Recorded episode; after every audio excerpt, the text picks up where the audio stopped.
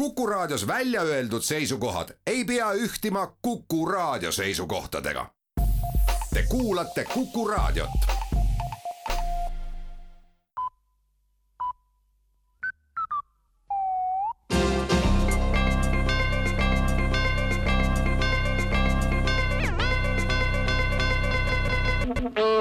tere kuulama uudiseid stuudios Rohke Debelak finantsvabaduse saavutanud inimeste arv on tõusuteel, annab teada Statistikaamet. märkimisväärne mõju on olnud avalikus ruumis üha levivatel üleskutsetel ja reklaamidel, mis finantsvabadust ja selle saavutamise viise propageerivad. igal nädalal saavutab finantsvabaduse enam kui tuhat inimest, kes ei pea enam finantsidega tegelema, sest kõik nende kontod on nullis või isegi suuremas või väiksemas miinuses kui inimesel enam mingeid finantse ei ole, siis on tee tõelisele vabadusele valla ja finantsvabadusele. Järgneb koduvabadus, perekonnavabadus, sõprade ja sugulaste vabadus ja lõpuks ongi inimene päriselt vaba.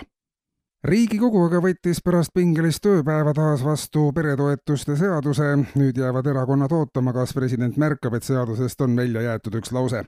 kui ei ja seadus naaseb uuesti Riigikokku, toimuvad uued arutelud ja taas võetakse üks lause ära protseduuri korratakse ja korratakse, lauseid jääb üha vähemaks ja seaduse peamise mõttega hakatakse tegelema siis, kui seadusest on kadunud ka viimane lause.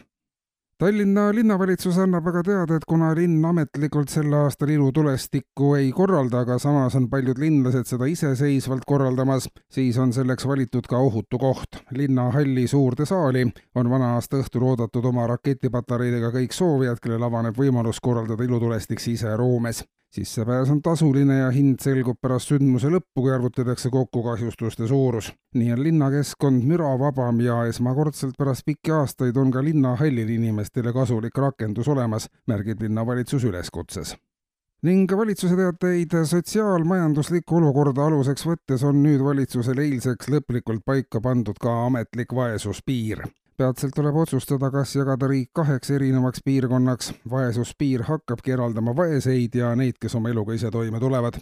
praeguse seisuga jookseb vaesuspiir Tallinnas kuuskümmend kilomeetrit nii ida, lääne kui lõuna suunas, samuti teeb vaesuspiir kahekümne kilomeetrise ringi ümber Tartu. et vaesed ei pääseks teisel pool vaesuspiiri elavaid inimesi segama, kutsutakse peatselt ellu ka vaesuspiirivalve ja kehtestatakse ühepoolne viisarežiim ning ka raha kasvatamise uudiseid. euro on dollari suhtes aina odavnemas ja inimestel on igapäevaselt üha suurem küsimus, millises varaklassis oma raha hoida ja riske hajutada.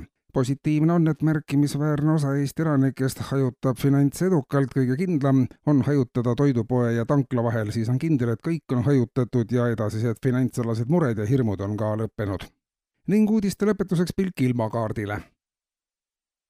ja pilk ilmakaardilt ära nüüd veel kord pilk ilmakaardile ja taas pilk ilmakaardilt ära. kuulsite uudiseid